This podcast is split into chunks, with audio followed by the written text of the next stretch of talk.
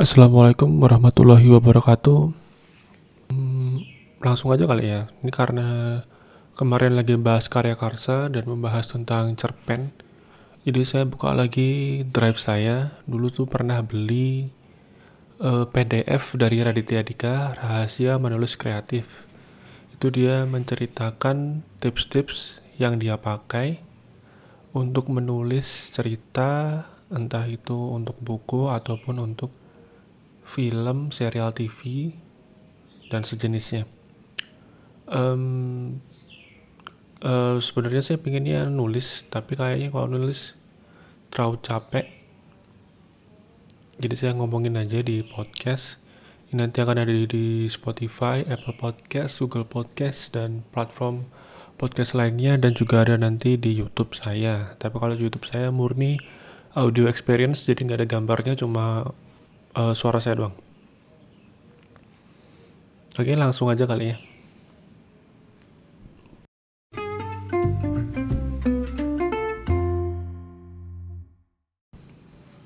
Saya langsung ambil yang menurut saya penting aja. Jadi saya nggak bakalan nggak bakalan baca semua. Kalau mau baca semua mungkin cari aja PDF-nya dan beli kalau bisa ya, karena saya beli.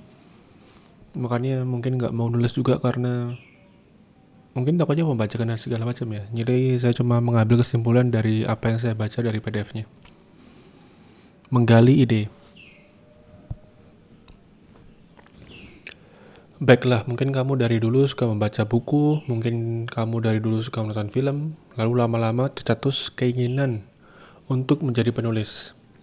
Kamu ingin datang ke toko buku dan melihat buku bertuliskan namamu di sampulnya. Kamu ingin dengan bangga membawa gebetan ke toko buku lalu membawa melewati tumpukan bukumu dan berkata sok tahu, eh ini buku saya ya. Kau mungkin ingin memamerkan buku kamu di acara keluarga. Pertanyaannya pertama timbul, bagaimana cara memulainya? Bagaimana mungkin seorang penulis bisa kepikiran untuk membuat ceri sebuah cerita yang ada di buku atau film yang kita tonton? Mereka menemukan ide dari mana? Nah, kita akan memulai perjalanan panjang menulis cerita kita dari tempat suatu cerita bermula, ide. Saya akan memberitahu langsung to the point, ide sangat sulit dicari. Kami, para penulis, bahkan menamakan kesulitan mencari ide sebagai white paper syndrome, yaitu sindrom kertas putih. Sindrom ini terjadi ketika kami membuka halaman kosong di Microsoft Word, lalu hanya melihat kursornya berkedap-kedip tanpa tahu harus menulis apa. Sepanjang waktu yang terlihat hanya kertas kosong, ide tidak kunjung datang. Buat saya, ide tidak datang dengan sendirinya, kita harus menggali. Seperti harta karun yang tertimbun, ide yang baik harus kita gali. Gali di mana? Gali dari dalam diri kita sendiri karena ide yang terbaik di dalam diri kita sendiri tanpa uh, ide yang baik tersembunyi di dalam diri kita sendiri tanpa kita sadari. Ini adalah rahasia saya. Ide datang dari kegelisahan. Semua karya yang saya ciptakan, dari mulai film sampai stand up comedy, idenya dapat dari membongkar kegelisahan saya. Sebagai contoh, skenario film Cinta Brontosaurus saya tulis ketika sedang patah hati. Setelah pacaran selama 4 tahun. Pengalaman itu membuat saya percaya cinta bisa kadaluarsa. Kegelisahan ini akhirnya saya bikin skenario film. Uh, film Cinta Brontosaurus saya ciptakan untuk menjawab benarkah cinta bisa kadaluarsa. Pada masa yang lain, saya punya kegelisahan terhadap malam minggu. Waktu itu saya tidak punya pacar dan bingung mau ngapain ketika malam minggu. Setiap malam minggu kerjanya cuma nonton bola, paling juga ngobrol sama kucing. Sesekali saya pergi, ken pergi kencan, biasanya juga berujung gagal. Nah, saya bawa kegelisahan ini, pengalaman ini ke suatu serial komedi namanya Malam Minggu Miko.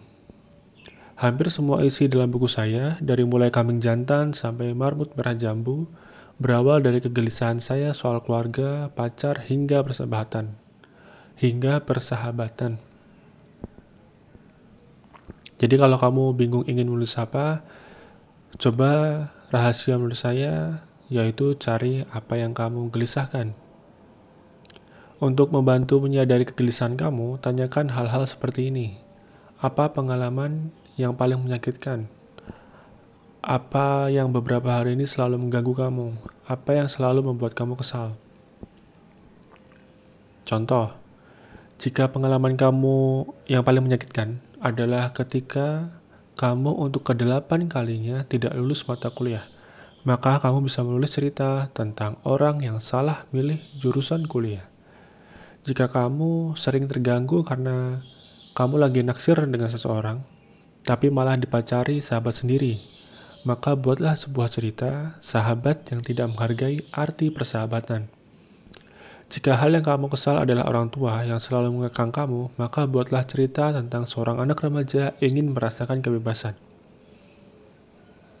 Kalau kamu masih belum tahu juga apa yang kamu gelisahkan, berikut adalah daftar kegelisahan yang dialami oleh mayoritas orang sesuai dengan rentang umurnya. Umur 17 sampai 21 remaja. Cinta pertama, mencari sahabat, diberikan kebebasan oleh orang tua dan keluarga umur 21 sampai 25 tahun, dewasa muda. Biasanya menggelisahkan soal nostalgia masa lalu, membandingkan pekerjaan dengan orang lain, merasa ragu apakah pilihan jurusan dan karirnya benar. Umur 50 sampai 60 tahun, keinginan untuk kembali merasakan masa muda, merasa banyak mimpi yang belum terpenuhi, keinginan untuk memiliki lebih banyak waktu bersama keluarga. Kenapa harus kegelisahan? Pertama, dengan menggali kegelisahan, kita menggali emosi negatif. Nah, emosi negatif biasanya lebih gampang untuk dicari. Kedua, karena ketulisan yang baik adalah bentar. Kedua, karena tulisan yang baik adalah cerita yang kena ke pembaca atau penonton film. Jika kamu menggelisahkan sesuatu, maka ada kemungkinan pembaca yang lain juga menggelisahkan hal yang sama.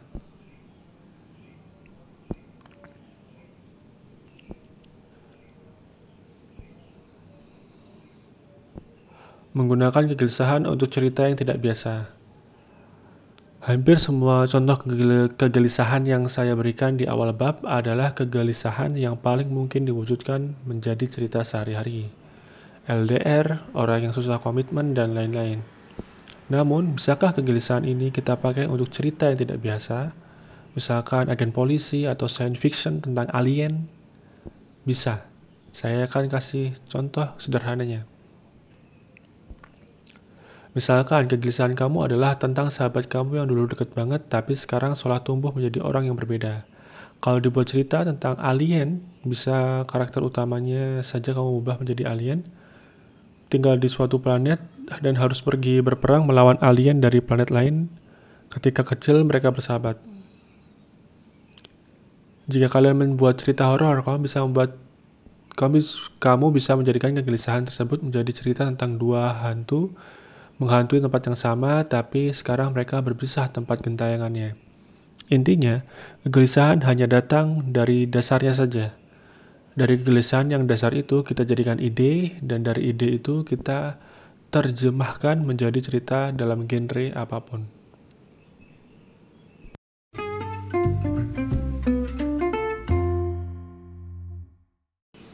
Oke, tadi kayaknya suaranya kurang keras sama baca saya kurang ini ya belepotan gini ya masih belepotan. Jadi saya coba perbaiki.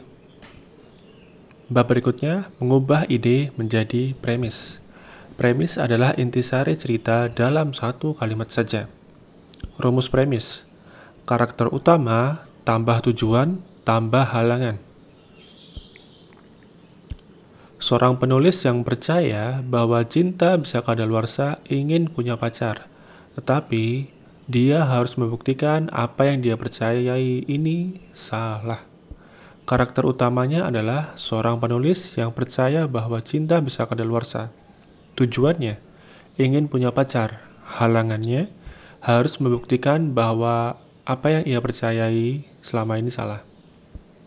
Karakter, tujuan, halangan. Karakter, tujuan, halangan. Karakter, tujuan, halangan. Contoh dari film terkenal ya menurut Raditya Dika. Titanic Seorang cowok jatuh cinta kepada cewek, tetapi harus menyelamatkan diri dari kapal yang hendak tenggelam. Up. Kakek tua harus mengabulkan pemerintahan almarhum istrinya dengan menerbangkan rumahnya ke suatu tempat, tapi rumahnya jatuh di tengah jalan.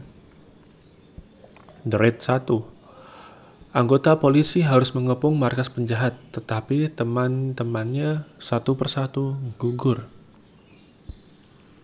Premis dari novel yang terkenal, Harry Potter and the Philosopher's Stone.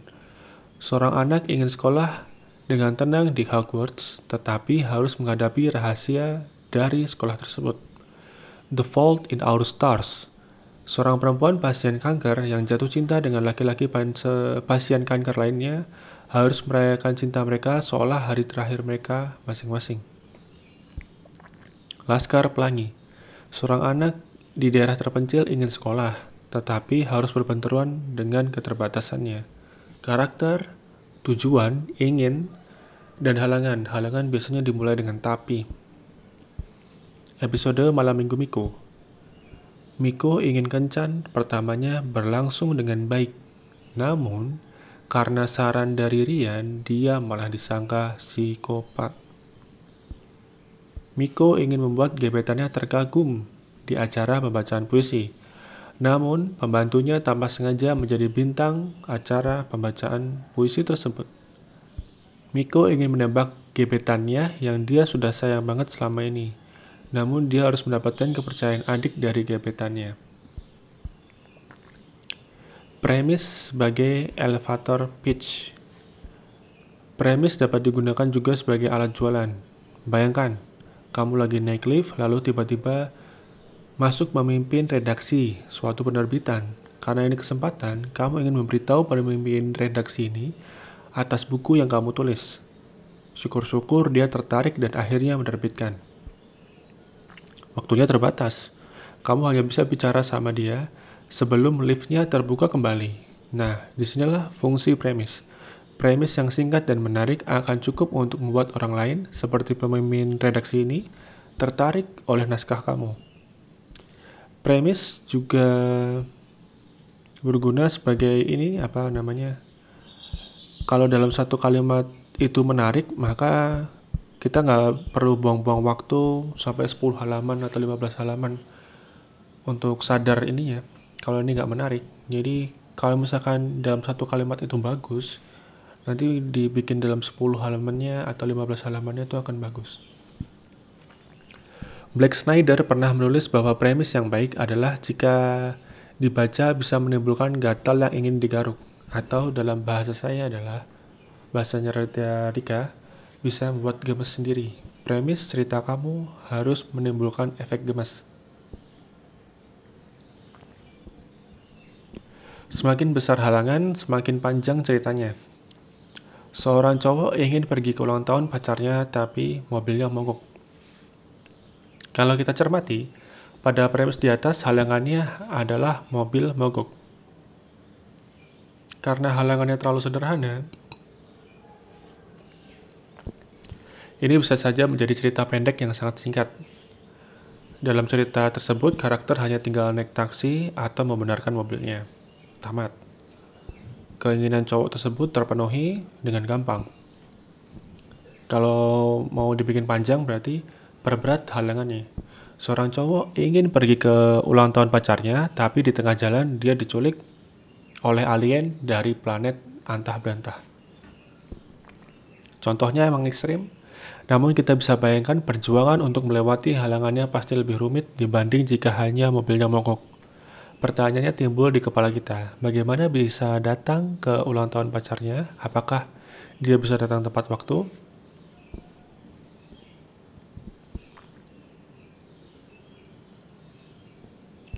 Saya sendiri sering ngetes premis ke orang-orang secara acak. Jika saya punya ide saya, jika saya punya ide, saya pasti akan menanyakan premis tersebut. Jika mayoritas orang bilang jelek, terus terang, saya akan mengurungkan niat untuk menulis cerita tersebut. Beberapa orang ada yang takut menanyakan premis ke orang-orang karena mereka takut premis mereka akan dicuri dan dibuat menjadi cerita orang lain. Tapi menurut saya hal ini tidak usah dikhawatirkan Jika premis kamu dicuri orang, biarkanlah, karena yang bisa mengembangkan premis kamu menjadi bagus hanyalah kamu. Percayalah, ide yang orisinal akan bisa dikembangkan dengan baik hanya melalui orang yang kali pertama memikirkannya. Nah, setelah kamu mengetahui cara mengubah ide menjadi premis, di bab berikutnya kita akan menciptakan karakter yang hidup di dalam cerita kamu.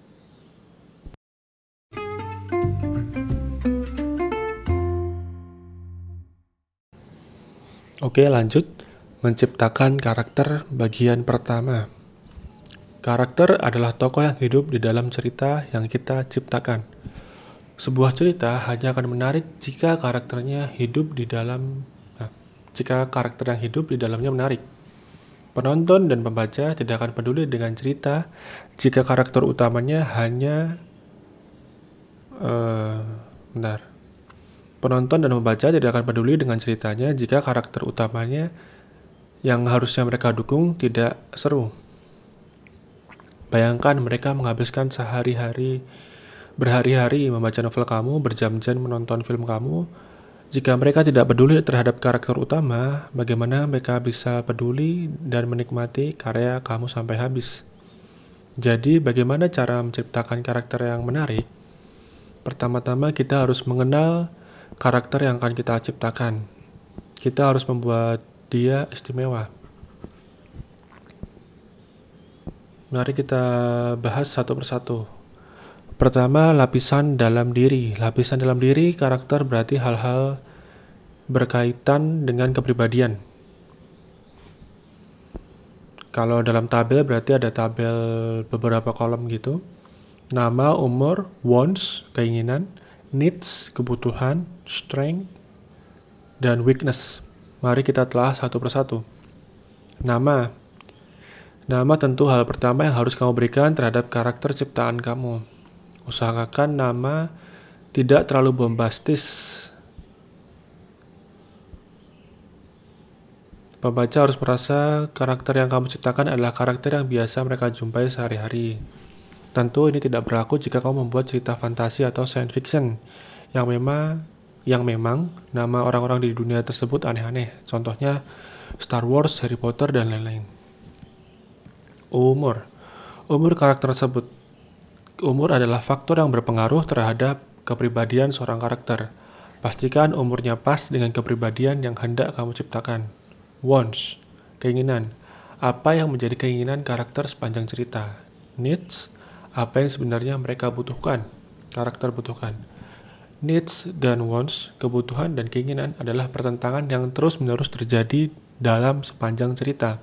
Contoh, seorang anak SMA bisa saja ingin menjadi ketua OSIS, namun sebenarnya yang dia butuhkan need adalah teman yang peduli sama dia. Jadi, dia menjadi ketua OSIS untuk mendapatkan pertemanan maka di akhir cerita dia bisa saja kehilangan apa yang dia ingin, yaitu gagal menjadi ketua OSIS namun dia berhasil mendapatkan apa yang dibutuhkan, yaitu pertemanan. Pada dasarnya, ending suatu cerita memenuhi need, memenuhi kebutuhan seorang karakter akan jauh lebih memuaskan ketimbang cerita yang memenuhi want karakter tersebut. Hal ini disebabkan karena penonton dan pembaca lebih menghargai orang yang mendapatkan apa yang dia butuh ketimbang apa yang dia mau. Kamu lebih senang melihat teman kamu bersama pacar yang ingin mencintai dia apa adanya. Needs dibandingkan teman kamu menjadi orang lain untuk mendapatkan want, gebetannya kan. Selanjutnya kita bahas konsep strength and weakness. Kedua ini, kedua hal ini juga saling berkaitan. Strength apa yang orang kagumi terhadap karakter tersebut, dan weakness, apa yang menjadi kelemahan karakter tersebut. Kekuatan karakternya adalah penyelamat dia pada poin-poin cerita yang hampir membuat dia kalah. Kekuatan ini sering dilihat dan dikagumi oleh karakter lain di sekelilingnya. Kekuatan ini juga membuat karakter kamu terlihat penting. Di sisi lain, weakness adalah karakter yang menjadi kelemahan karakter tersebut. Weakness seorang karakter dapat membuat dia kehilangan kesempatan dalam cerita yang membuat dia terpuruk menjadi lebih dalam lagi. Contohnya seorang kutu buku, kita beri namanya Alfred. Punya kekuatan, sangat jago pada teknologi informasi. Namun kelemahannya, karakter ini sangat susah untuk ngobrol sama orang. Di dalam cerita, kita bisa membuat adegan mengilustrasikan kehebatannya dan mengilustrasikan kelemahan karakter tersebut. Kegunaan lain kita bisa menggunakan weakness karakter untuk menghalangi karakter tersebut di saat genting. Contoh malam minggu Miko ya, nama Miko umur 25, wonnya keinginannya pacar, kebutuhannya dianggap, kekuatannya tulus, kelemahannya naif. Miko, namanya Rian, 24 tahun, keinginannya dituruti, kebutuhannya dipercaya, ke lebih uh, kekuatannya pinter ngomong, kelemahannya egois. Lapisan luar diri. Uh, dari max dari matriks psikologi karakter tadi, kita masuk ke lapisan luarnya. Ciri-ciri fisik. Intinya lapisan luar diri dari karakter tersebut. Coba jawab pertanyaan ini. Seperti apa jawaban eh seperti apa uh, seperti apa kamarnya jika dia memasuki ruangan penuh orang lalu meninggalkannya orang-orang bilang apa di belakangnya siapa pacar pertamanya apa rahasia yang dia sembunyikan dari orang lain dan lain-lain jadi tidak cuma secara fisik tapi juga kayak baju yang dia pakai itu apa rambutnya kayak gimana terus hobinya kayak apa dan segala macam dan segala macam.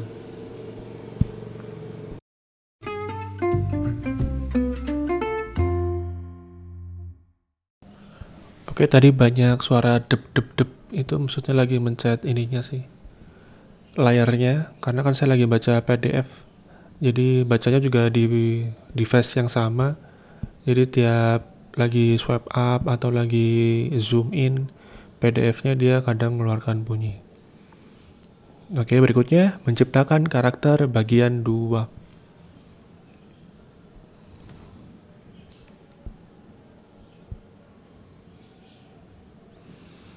Kita akan membahas tentang role atau peran seorang karakter di dalam cerita. Dari Malam Minggu Miko, berperan sebagai karakter utama, punya fungsi sebagai outsider, yaitu orang yang terasing, susah untuk diterima ke dalam pergaulan. Karena Miko orangnya naif lugu dan terkadang berpikir sederhana, dia terkadang susah untuk diterima cewek-cewek yang dia dekati. Bagannya seperti ini. Rian mentor yang salah, Anca joker, Miko outsider. Macam-macam jenis role. Leader, pencerah, mentor, joker, sidekick. Leader, peran karakter ini adalah untuk memimpin temannya. Dia biasanya didengarkan dan masing-masing temannya sulit untuk bekerja tanpa disuruh olehnya. Dia biasanya ambisius, tidak mudah menyerah. Kebanyakan cerita action yang diperankan oleh karakter yang punya fungsi seperti ini adalah Indiana Jones. Contohnya Indiana Jones. Pencerah. Peran karakter ini untuk memberikan pencerahan kepada teman-temannya. Dia biasanya memberi paling berpengetahuan dan kehadiran karakter ini dalam kelompok akan mempermudah kelompok mereka memecahkan kesulitan. Contohnya Hermione dalam Harry Potter mentor. Perannya adalah guru sebagai uh, dari karakter utama. Kepada orang inilah karakter utama meminta saran. Kepada orang inilah karakter utama diajarkan metode-metode yang membuat dia menang dan mencapai tujuannya. Contohnya Obi-Wan dalam Star Wars. Joker, ini adalah peran untuk membuat penonton tertawa, biasanya hanya untuk melucu saja. Di dalam film action atau horror untuk punya karakter yang berperan sebagai Joker akan membuat filmnya tidak tegang. Karakter ini membuat suasana cair. Contohnya Joey dalam serial Friends. Sidekick ini biasanya peran karakter yang selalu ada di sebelah karakter utama. Ia sangat loyal dan mencintai karakter utama dan akan melakukan apa saja agar tujuan karakter utama tercapai. Biasanya, sidekick akan membawa tema cerita karakter utama bisa sadar tentang apa yang dia perlukan. Contohnya Kosasih dalam Cinta Brontosaurus, Sam di film Lord of the Rings. Villain peran jahat yang akan menghalangi semua karakter utama dengan kekuatan dia. Ini adalah tipikal karakter jahat yang ada di film-film adventure. Sadis tidak punya empati dan melakukan segala cara agar karakter utama menderita. Contoh, Voldemort dalam Harry Potter. Buat yang berbeda. Dalam membuat karakter, sering kali penulis mulai terjebak stereotip karakter yang ada. Cobalah ciptakan karakter yang unik dan tidak lazim. Buatlah leader yang kurus, ceking, dan sering diremehkan orang. Namun, dia memang menjadi pemimpin grup yang baik. Buatlah villain yang unik, berpakaian rapi, atau Contohnya buat yang ekstrim sekalian, pembunuh sadis yang lama tinggal di Amerika Serikat tapi suka mendengarkan musik dangdut. Nah intinya, itu cuma contohnya aja dari Raditya Dika. Intinya semakin tidak lazim karakter yang kita karakter yang kita ciptakan, maka akan semakin menarik dan menempel karakter tersebut di dalam benak dan di dalam benak pembaca dan penonton. Kata kuncinya adalah tumbuh. Setiap karakter yang kamu ciptakan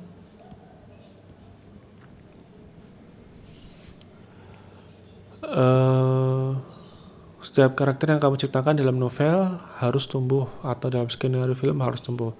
Semakin kamu memperlihatkan bagaimana karakter kamu tumbuh dari orang yang biasa saja menjadi orang luar biasa, maka akan semakin senang pembaca dan penonton kamu dalam mengikuti suatu cerita.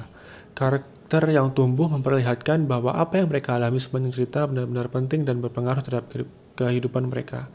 Perubahan karakter ini penting agar penonton dan pembaca bisa merasakan progres dalam tiap karakter.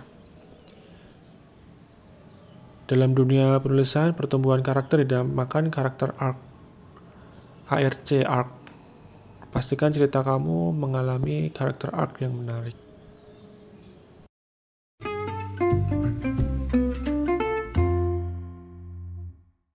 Oke, sebelum lanjut ke babak terakhir uh, dari pembacaan saya, karena saya mampunya cuma baca segitu aja. Karena kalau dijelaskan nanti takutnya malah terlalu ribet, karena itu kayaknya enaknya dibaca. Tapi saya juga malas untuk nulisnya atau memberi visualnya, jadi ya udah. Nanti akan ada bab terakhir uh, dari sesi podcast ini. Sebelumnya saya promo dulu Uh, saya ada karya karsa, saya nulis cerpen di sana, karyakarsa.com slash aldi pradana 17, ALDY, pradana, angka 1 dan angka 7. Saya juga, oh saya cerpennya ada cerpen non fiksi, personal literatur, jadi pengalaman saya kebanyakan sih masih cerpen lama, jadi cerpen zaman saya SMP, SMA, cerita-cerita lama, cerita-cerita saya awal kerja dan segala macamnya. Terus ada cerpen fiksi juga, tapi baru satu. Saya juga jualan di Arsenio Sneaker Store, ada Instagramnya at arsenio.sneakers dan ada Tokopedia-nya, Arsenio Sneakers Store.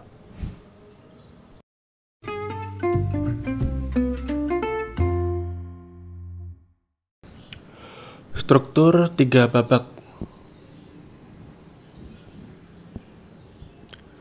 Seperti yang sudah dijelaskan lagi, kesalahan Penulis adalah langsung nulis tanpa membuat online atau alur ceritanya.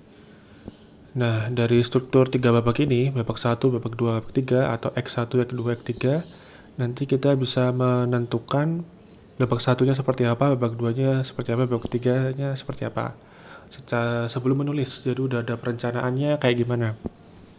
Teori tiga babak ini berasal dari Aristoteles yang berkata struktur dramatik cerita bisa dibagi menjadi tiga, Aristoteles menggunakan ini untuk menstruktur cerita teater pada zamannya. Pada era modern ini, pembagian tiga babak biasanya dipakai untuk penulisan skenario film. Namun, saya juga menuliskan untuk cerita, esai, atau buku yang saya tulis. Babak 1, introduction, perkenalan. Babak 2 adalah aksi. Babak 3 adalah conclusion, atau kesimpulannya. Babak 1, kita akan melakukan introduksi atau perkenalan. Kita akan memperkenalkan karakter, memperkenalkan problem karakter, memperkenalkan kehidupan karakter, cinta yang dia miliki, dan lain-lain.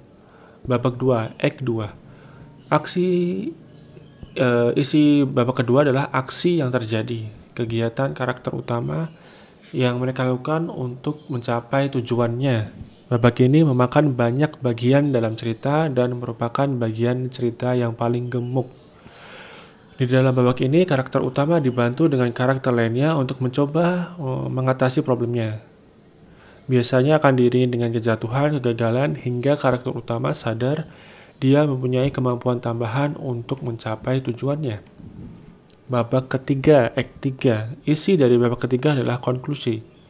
Di babak ini, kita akan tahu karakter utama bisa mencapai tujuannya, good ending, atau gagal dalam mencapai tujuannya, bad ending. Dalam ending yang ideal, karakter utama akan memilih apa yang dia butuhkan, bukan apa yang dia mau. Menggunakan tiga babak. Formulanya atau komposisinya seperti ini. Babak 1 25%, babak 2 50%, babak 3 25. Jadi formulanya adalah 1 eh 1 terus 2 terus 1. Misalkan dalam novel ya, novel 100 halaman Berarti babak satunya 25 halaman, babak duanya 50 halaman, babak tiganya 25 lagi. Cerpen 7 halaman, berarti babak satunya 1,75 halaman, babak duanya 3,5, tinggal dikali 2 aja. Babak tiganya sama kayak babak 1, 1,75 lagi. Misalkan ini film, babak uh, film 90 menit ya. Babak satunya 22,5 menit, babak duanya 45 menit, babak tiganya 22,5 menit lagi satu dua satu satu dua satu Miko ingin kencan pertamanya berlangsung dengan baik, namun karena saran dari dia, re, karena saran dari Rian, dia malah disangka psikopat. Nah, dari premis itu kita bikin pembabakannya. Babak satu, Mikro memperkenalkan diri. Rian mempersiapkan Miko agar dia sukses dalam kencan pertamanya.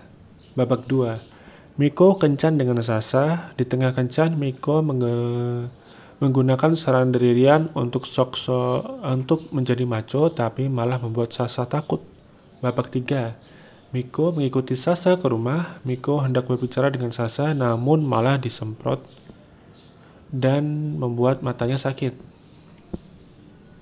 Babak 1 tadi 2,5 menit, babak 2 5 menit, babak 3 2,5 menit lagi.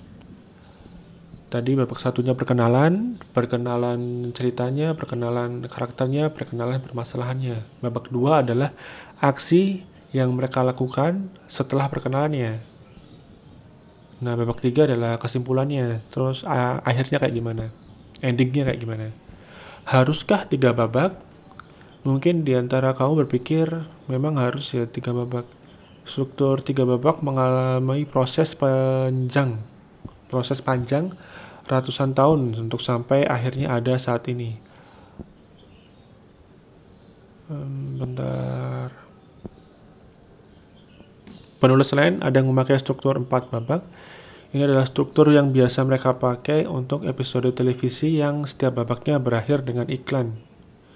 Saya menggunakannya dalam semua karya yang saya gunakan. Ini berarti mulai dari film hingga buku. Sejauh ini, Menurut saya tiga babak adalah yang terbaik. Sebagai penulis saya penulis pemula, menurut saya ini adalah metode penyusunan cerita yang harus kamu ikuti. Oh ya, apa yang saya bahas dalam bab ini adalah perumusan saya sendiri dari apa yang saya pelajari dari buku-buku penulisan skenario yang ditulis oleh Blake Snyder, Sitfield, dan John Falk. Pada dasarnya perumusan plot ini lebih banyak terpakai untuk penulisan skenario film, namun metode ini juga dipakai dalam penulisan novel. Saya bahkan merumuskan perumusan plot ini untuk cerpen dan esai yang saya buat. Oke, okay.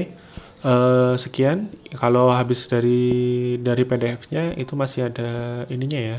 Babak satu itu penjelasannya kayak gimana, babak dua itu penjelasannya kayak gimana, babak tiga penjelasannya kayak gimana.